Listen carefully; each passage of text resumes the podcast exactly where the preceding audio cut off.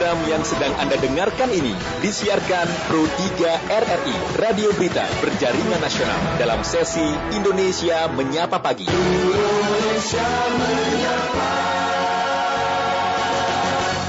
Rekan terima kasih Anda bersama dengan kami di sajian saat ini. Kami hadir ke ruang dengar Anda dalam sajian kami di sini ya memberikan edukasi dan juga informasi hadir ke ruang dengar Anda dan pastinya juga uh, berbicara mengenai perkembangan yang ada dan dialog uh, kesehatan kami hadirkan saat ini bagaimana pengobatan dan pencegahan infeksi Omikron. Dialog Layanan Kesehatan kerjasama Pro 3 RRI dengan Fakultas Kedokteran Universitas Indonesia. Berbicara mengenai Omikron, semua Anda juga pasti sudah mengikuti dan mengetahui terkait dengan perkembangan yang ada begitu ya. Varian Omikron atau uh, varian B11529 menjadi polemik baru pandemi COVID-19 di akhir tahun 2021. Bagaimana pengobatan dan pencegahan infeksi Omikron? Pendengar, saya sudah bersama dengan Dr. Vera Ibrahim, PhD, SPD, MKK, Departemen Mikrobiologi Klinis untuk berbicara mengenai hal ini. Dokter Vera, selamat pagi, salam sehat. Selamat pagi, salam sehat juga untuk semuanya. Ya, dok, uh, varian baru Omikron ini sudah menyebar di beberapa negara dan ini menjadi suatu hal kekhawatiran tersendiri bagi masyarakat, begitu ya. Dan bagaimana dokter menanggapi hal ini dulu? Ya, uh, memang uh, kita sudah mendengar di berbagai berita bahkan setiap hari itu pasti ada ya di televisi hmm. untuk Omikron ini begini. Sebetulnya kita tidak perlu khawatir atau cemas ya. Meskipun demikian kita tetap harus waspada itu saja. Jadi pemerintah juga kan sudah melakukan berbagai upaya mulai dari untuk pembatasan pencegahan yang masuk terutama yang dari luar ya. Kemudian pembatasan penyebarannya dengan penerapan PPKM dan sebagainya dan harusnya kita mengerti ya kenapa sih diterapkan itu Nah, untuk membantu juga mencegah kita terjadi uh, terinfeksi ataupun kita kalau sudah terinfeksi menyebarkan. Jadi uh, berbagai upaya memang sudah dilakukan untuk itu dan tentu kita harus ikut peran serta untuk mencegah terjadinya infeksi dan memperluas uh, terjadinya infeksi sekarang kan sudah terdeteksi di Indonesia ya, yeah. yang baru meskipun baru terdeteksi lima kita juga nggak tahu karena kan memang pendeteksiannya juga terbatas ya, jadi bisa saja mungkin lebih banyak kita juga nggak tahu ya, tapi yang baru ketahuan adalah yang terdeteksi ada lima. Nah itu untuk itu kita harus waspada ya. untuk supaya tidak terjadi infeksi atau penyebarannya. Ya. Itu dan banyak masyarakat juga ber, berpendapat bahwa ini lebih berbahaya bahkan dari varian sebelumnya atau delta itu. Uh, berbahaya dalam konteks itu lebih cepat penyebarannya. Kalau ya mengenai keparahan penyakitnya dari data-data yang ada sih memang kebanyakan itu sebetulnya tidak lebih parah dari uh, uh, varian sebelumnya ya. yeah. Dan tentunya itu berpengaruh karena laporannya ada dari yang vaksinasi ya. Mm-hmm. Yang vaksinasi uh, rata-rata gejalanya ringan ya bahkan ada yang tidak bergejala gitu.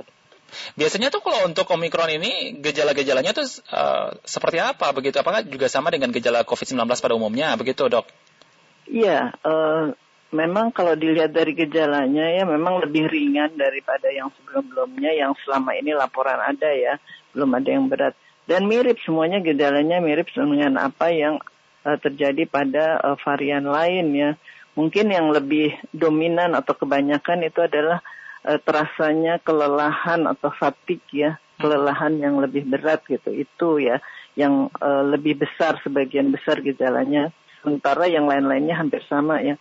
Ada seperti batuk pilek gitu ya, uh, ada diare, ada mual dan sebagainya sama seperti yang lain-lain. Maka untuk itu sebetulnya nggak cuma dengan COVID-19 lain, dengan infeksi virus saluran pernafasan lain juga mirip gejalanya. Maka kita perlu mendeteksi atau meng, uh, melakukan pemeriksaan apakah ini uh, SARS-CoV-2 atau penyebab COVID-19 yeah. atau bukan karena penanganannya kan beda ya. Yang ini harus diisolasi, harus uh, menjalani karantina dan sebagainya gitu. Ya, tata laksana karantina juga pastinya sama begitu dengan uh, eh, COVID-19 pada umumnya. Iya, iya. Ya. Okay. Karena banyak juga yang beranggapan bahwa yang tadi saya bilang gitu, ini menjadi suatu ketakutan. Nah, dok berbicara mengenai yang tadi dikatakan uh, gejala begitu ya yang dihadapi. Ketika seseorang pernah misalnya atau penyintas penyintas COVID-19 apakah dia juga akan mengalami hal tersebut dalam artian ketika mengalami atau terdeteksi eh, Omikron akan lebih parah lagi atau seperti apa begitu? Uh, kalau yang sudah dilaporkan kemungkinan untuk terjadi reinfeksi dengan Omikron itu ada besar ya karena memang terjadi perubahan-perubahan ya yeah. virusnya pada tempat penempelan daripada virus kepada reseptor. Hmm. Nah, tetapi yaitu yang dilaporkan itu gejalanya tidak lebih berat tidak berat seperti uh, yang lain-lain dibandingin Delta juga katanya itu gejalanya ringan saja. Kan karena kalau penyintas itu kan sama seperti mirip yang uh, vaksin ya, yeah. jadi sudah divaksinasi pasti kita uh, sedikit adanya itu uh, ada uh, kekebalan tubuh yang sudah terbentuk setelahnya gitu ya. Mm -hmm. Jadi itu, uh, nah tapi kemungkinan untuk terjadi infeksi atau reinfeksi itu ya bisa dimungkinkan oleh Omikron ini. Mm-hmm. Pengobatan seperti apa sih dok untuk uh, mereka yang mengalami atau terpapar Omikron ini? Nah, untuk pengobatan, pengobatan itu kan memang sampai saat ini termasuk yang varian lain itu belum ada pengobatan yang spesifik ya, yang spesifik untuk antivirusnya ya. Yeah. Jadi uh, yang ada itu pengobatan biasanya itu tergantung pada gejala ya dari uh, si pasiennya. Jadi kalau umpamanya terjadi inflamasi dikasih antiinflamasi. Ya, jadi pemberian obat-obatnya itu antar varian varian apa pun tuh uh, sama ya, sama ada pemberian obat yang antivirus spesifik itu ya tergantung tadi masih dilakukan tetapi efektivitasnya itu juga kita masih belum yakin bahwa ya. uh, itu obat antivirus yang spesifik. Oke, okay. dok boleh ya kita buka uh, jalur telepon untuk penelpon bergabung dengan kita mungkin ada yang ingin menanyakan oh, iya, lebih. silahkan. Oke, okay. okay. anda bisa bergabung dengan kami di 021 352 3172 021 384 4545 021 386 6712. Ada penelpon kita dari Boyolali, Pak Udin. Pak Udin, selamat pagi. Selamat pagi, Assalamualaikum warahmatullahi wabarakatuh. Waalaikumsalam, Pak Udin. Silakan. Iya, Bapak Jo, Ibu Dr. Vera, Departemen Mikrobiologi Klinis. Uh, kan dengan kehadiran uh, Omikron gitu di Indonesia ya, apakah uh, peningkatan kasusnya seperti uh, uh, bulan Maret 2020 lalu? Kan karena bulan Maret itu kan kadang meningkat banget cepat gitu. Apakah hal tersebut berlaku demikian? Demikian terima kasih. Wassalamualaikum warahmatullahi wabarakatuh. Ya, terima kasih Pak Udin. Waalaikumsalam. Dan eh, dok, apakah juga peningkatannya yeah. bisa terjadi seperti pengalaman kita di tahun kemarin, bulan Maret, ketika yeah. uh, COVID-19 itu masuk ke Indonesia? Iya, uh, seperti itu atau bulan Juli ya, ketika yeah. varian Delta masuk itu juga kan hmm. peningkatannya terjadi dengan pesat. Uh, itu bisa saja terjadi, itu tergantung kita ya. Kita yeah. maunya seperti apa. Jadi uh, seperti diketahui ya sudah diketahui bahwa Omikron ini penyebarannya lebih cepat ya dibanding juga uh, dengan Delta yang kemarin kita tahu bulan Juli itu sampai uh, terjadi uh, ini ya kepanikan di mana-mana.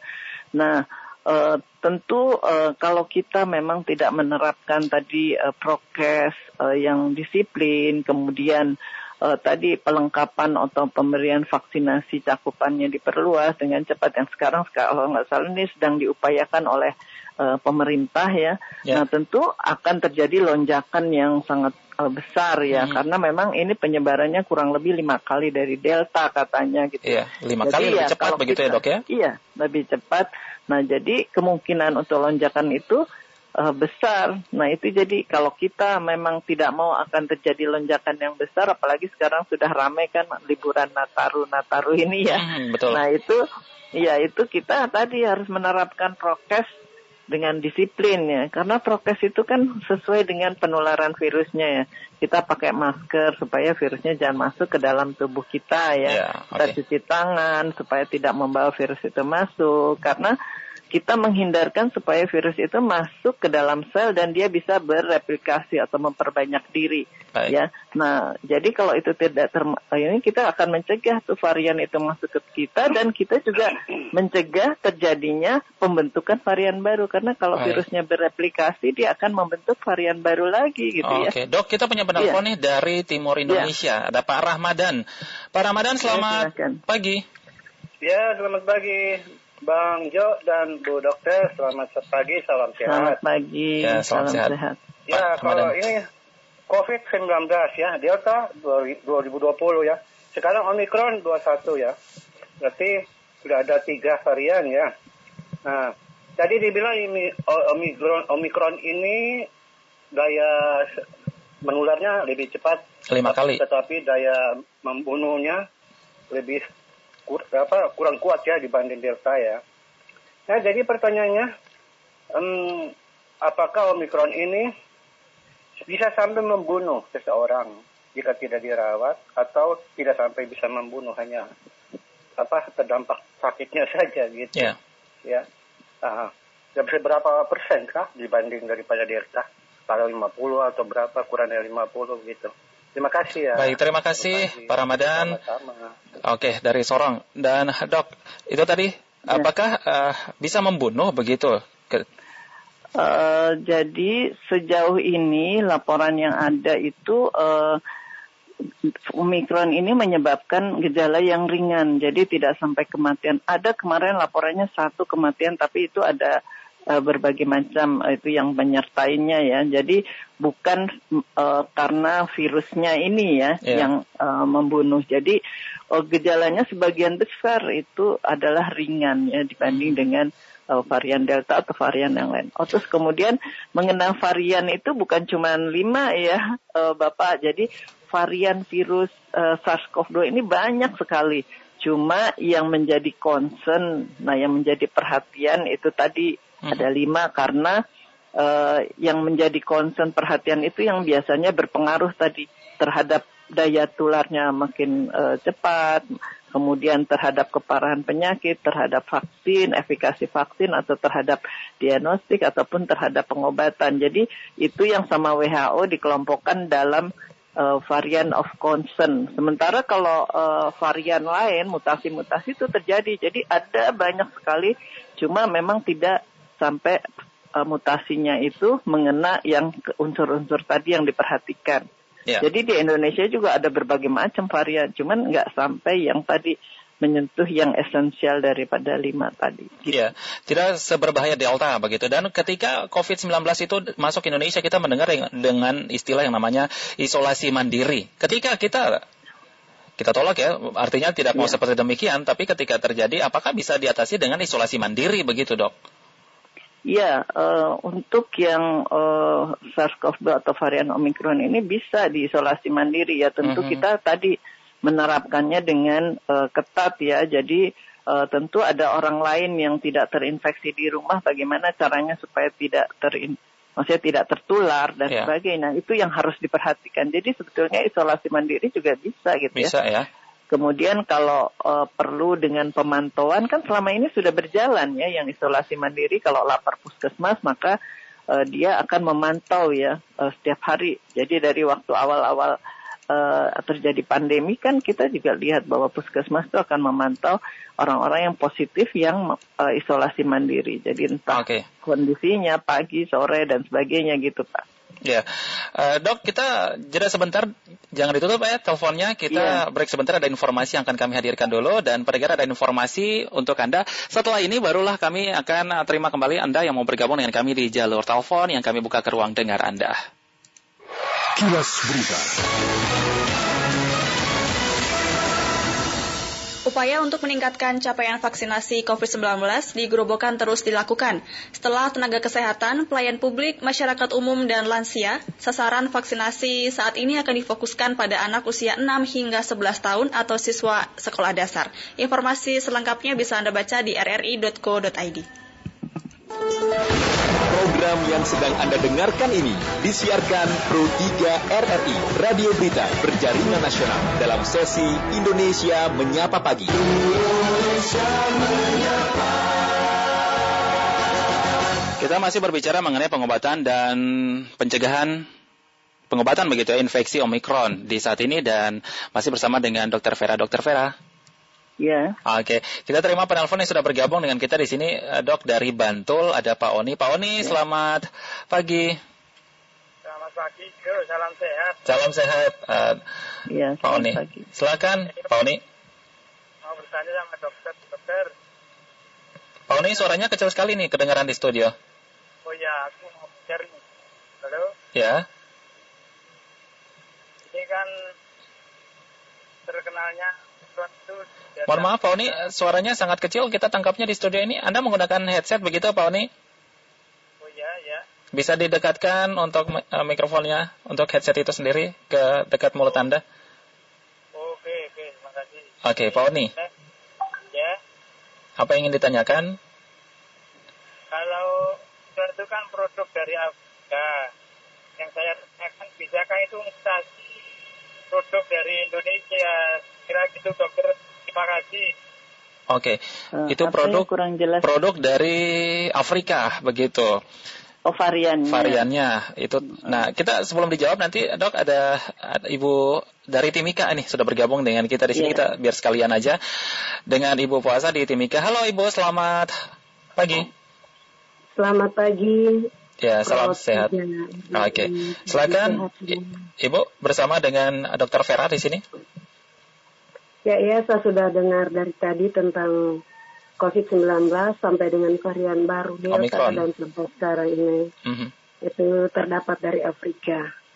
Katanya tadi kan belum separahnya Delta. Yeah. Tetapi buat saya itu kita harus berjaga-jaga karena barang ini kan kita selalu ada karena kita berperang dengan udara bukan berperang dengan manusia melihat wajah iya dan dari saya untuk ini saya, pendapat saya sendirilah yeah. bukan dari orang lain Silakan. tapi saya rasa menyesal dengan tindakan yang ada sekarang ini perang antar negara okay. selalu membuang bom itu itu kan menjadi udara itu menjadi kotor apalagi kalau zat ozon kita sudah kurang, itu pasti akan terjadi. Oke. Okay. Maka ini penyakitnya ini lebih hari lebih ada, ada dan ada karena itu sudah. Baik. Makanya marilah kita berdoa semua agar supaya perang yang ada di luar negeri itu tidak membawa wabah. Sebenarnya okay. itu sudah membawa wabah untuk kita semua. Siap, terima, terima kasih. kasih. Ibu puasa dari Timika sudah bergabung dengan kami di saat ini dan perkara nantinya juga bisa bergabung dengan kami di 021 352 3172 021 384 4545 021 386 6712 bersama dengan Dr. Vera di sini. Dok, bisa Anda jelaskan yeah. tadi ya, seperti yang disampaikan penelpon kita tadi bahwa ini dari Afrika, Afrika, begitu. Dan ini juga berbicara mengenai udara. Berarti ini penularan lewat udara, begitu ya, terpapar lah, gitu. Ya, jadi memang penularannya memang melalui udara, tetapi tentu udara yang mengandung virus ya. Jadi ya. kalau ada orang sakit, bersin atau batuk, nah itu kan mencemari udara yang ada. Memang sih betul bahwa polusi itu memang membuat uh, buruk kesehatan ya. Jadi polusi apa pun gitu yang ada termasuk apalagi kalau ada virusnya ya. Jadi ya. orang-orang yang sakit itu nggak pakai masker, berjalan-jalan ke mana, maka dia akan mencemari udara dengan virus-virusnya itu entah varian apa pun ya bisa menginfeksi. Nah kalau tadi ada pertanyaan yang varian ini kan dari Afrika. Indonesia bisa nggak ada varian? Wah, saya sih nggak mau ber, ber apa berkompetisi ngeluarin varian-varian yeah. baru ya. Tapi kemungkinan itu bisa ya. Jadi kemungkinan itu bisa saja nanti ada dari Indonesia kalau tadi kita abai dengan protokol kesehatan sehingga membuat virus itu bisa masuk ke dalam tubuh kita ini beragam yang ada di Indonesia dengan status imunitas yang beragam, maka hmm. kita akan memproduksi virus-virus baru. Yeah. Tidak terlepas nanti ada varian yang mungkin jadi varian of concern. Bisa aja mm-hmm. seperti yang di Afrika itu. Jadi, nah makanya kita memang jangan sampai tuh virusnya masuk ke dalam sel yang sesuai ya. Karena kalau tidak dia akan masuk, kemudian dia berkembang biak, yaitu mutasi akan terjadi. Jadi si virus itu, yeah. apa pun dia akan terjadi mutasi.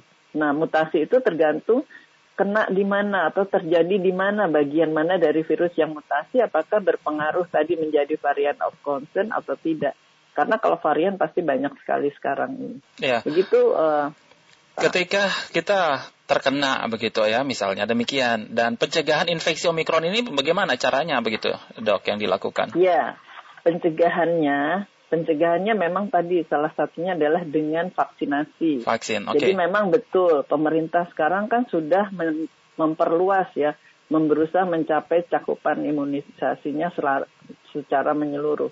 Karena berkaca dari pengalaman infeksi virus yang lain ya, tidak saja SARS-CoV, vaksinasi itu memang bisa mencegah terjadinya uh, infeksi. Kalaupun terjadi infeksi, dia akan uh, tidak membuat parah, jadi memperingan gejalanya dan memperpendek masa sakitnya. Itu uh, pengalaman dari vaksin yang lain. Nah, jadi uh, vaksinasi pada uh, SARS-CoV-2 atau penyakit COVID ini juga diharapkan bisa mencegah. Nah, tetapi kalau mengandalkan vaksinasi saja itu tidak cukup. Tadi kita harus menerapkan prokes ya. Jadi pro, uh, uh, protokol kesehatan ya yang 5M ataupun ditambah jadi 6M bisa ya ditambah dengan membatasi makan bersama karena bisa terjadi penularan kalau dekat-dekatan makan bersama gitu ya. Jadi yeah.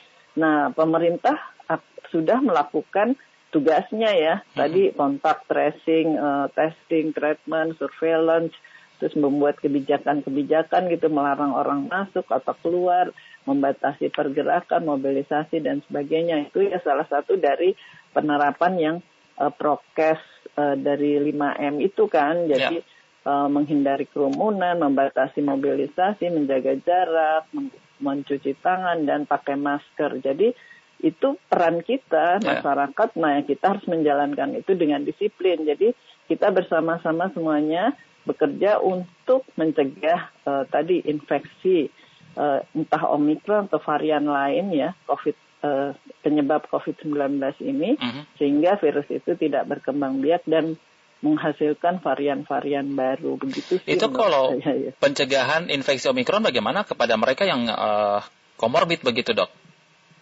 Nah itu sama. Sama saja ya. itu sama. Okay. Sama. Tidak Mau ada bedanya. Komorbid nggak komorbid. Hmm. Jadi kita mencegah virus itu masuk. Bagaimana mencegah? Tadi pakai masker, cuci tangan, kemudian uh, apa menghindari kerumunan, membatasi mobilisasi, menjaga jarak. Jadi itu uh, sama berlaku untuk semuanya mau komorbid yang bukan komorbid itu sama begitu. Termasuk vaksinasi ya. Ya. Uh, Ya. Berarti vaksinasi merupakan hal yang sangat penting karena memang saat ini juga pemerintah sudah menggalakkan vaksinasi dari 6 ya. hingga 11 tahun begitu ya karena mereka juga ya. dekat dengan orang yang mudah terpapar misalnya. Iya betul. Dan lagi sudah mulai kan sekolah tatap muka nah, dan dia. sebagainya itu. Mm -hmm. Ada informasi kepada masyarakat atau himbauan saran kepada kita semuanya hingga kita bisa work gitu tetap sehat walaupun di, di tengah kondisi ya. seperti saat ini apalagi kita akan masuk di dalam Nataru ini Natalan tahun baru ya. untuk liburan yang ada, dok? Ya, ya baik. Saya rasa mungkin uh, pemerintah kan sudah melaksanakan tugasnya tuh melakukan surveillance, tadi menyiapkan vaskes, karantina, kebijakan-kebijakan supaya mencegah masuknya infeksi dan penyebarannya. Nah, kita tugasnya adalah tadi juga mendukung dengan tadi prokes ya 5M tadi atau 6M jadi uh, memakai masker, kemudian mencuci tangan, menjaga jarak, menghindari kerumunan, membatasi mobilisasi atau menghindarkan makan bersama, dan melakukan vaksinasi. Karena itu semua kita lakukan untuk mendukung bersama-sama mencegah supaya penyebaran SARS-CoV-2 atau varian-varian termasuk Omikron ini uh, mereda atau tidak terjadi di Indonesia. Jadi kita harus bekerja sama, tidak bisa sendiri-sendiri. Yeah. Dan bukan menjadi Begitu, tugas dari pemerintah ya, tapi bersama seperti yang dokter ya, katakan. Bersama. Mm -hmm. Jadi masing-masing ada tugasnya, termasuk kita sendiri individu ya. Ya, baik. Terima ya. kasih dokter sudah bersama dengan kami di saat ini. Salam sehat dok. Ya. Ya, salam sehat, sama-sama. Terima kasih. Assalamualaikum. Waalaikumsalam warahmatullahi wabarakatuh. Pendengar bersama dengan Dr. Vera Ibrahim, PhD, SPMKK, Departemen Mikrobiologi Klinis. Berbicara mengenai bagaimana pengobatan dan pencegahan infeksi Omikron. Dan walaupun seperti yang disampaikan tadi, lima kali lebih cepat dari Delta untuk penularannya, begitu ya. Tapi tetap dengan hal yang sama, dengan langkah pencegahan penularan virus, sama pun seperti dengan hal yang seperti Anda ketahui, begitu melakukan vaksinasi dosis penuh, menjaga jarak fisik dengan orang lain, memakai masker yang benar, meningkatkan ventilasi saat berada dalam ruangan tertutup, menghindari keramaian, mencuci tangan secara teratur, menutup hidung dan mulut dengan siku atau tisu saat batuk dan bersih. Tetaplah sehat untuk Anda semuanya pada dalam jalankan aktivitas. Kita jelang tanda waktu pukul 10 waktu Indonesia Barat, penyampaian informasi Warta Berita ke ruang dengar Anda.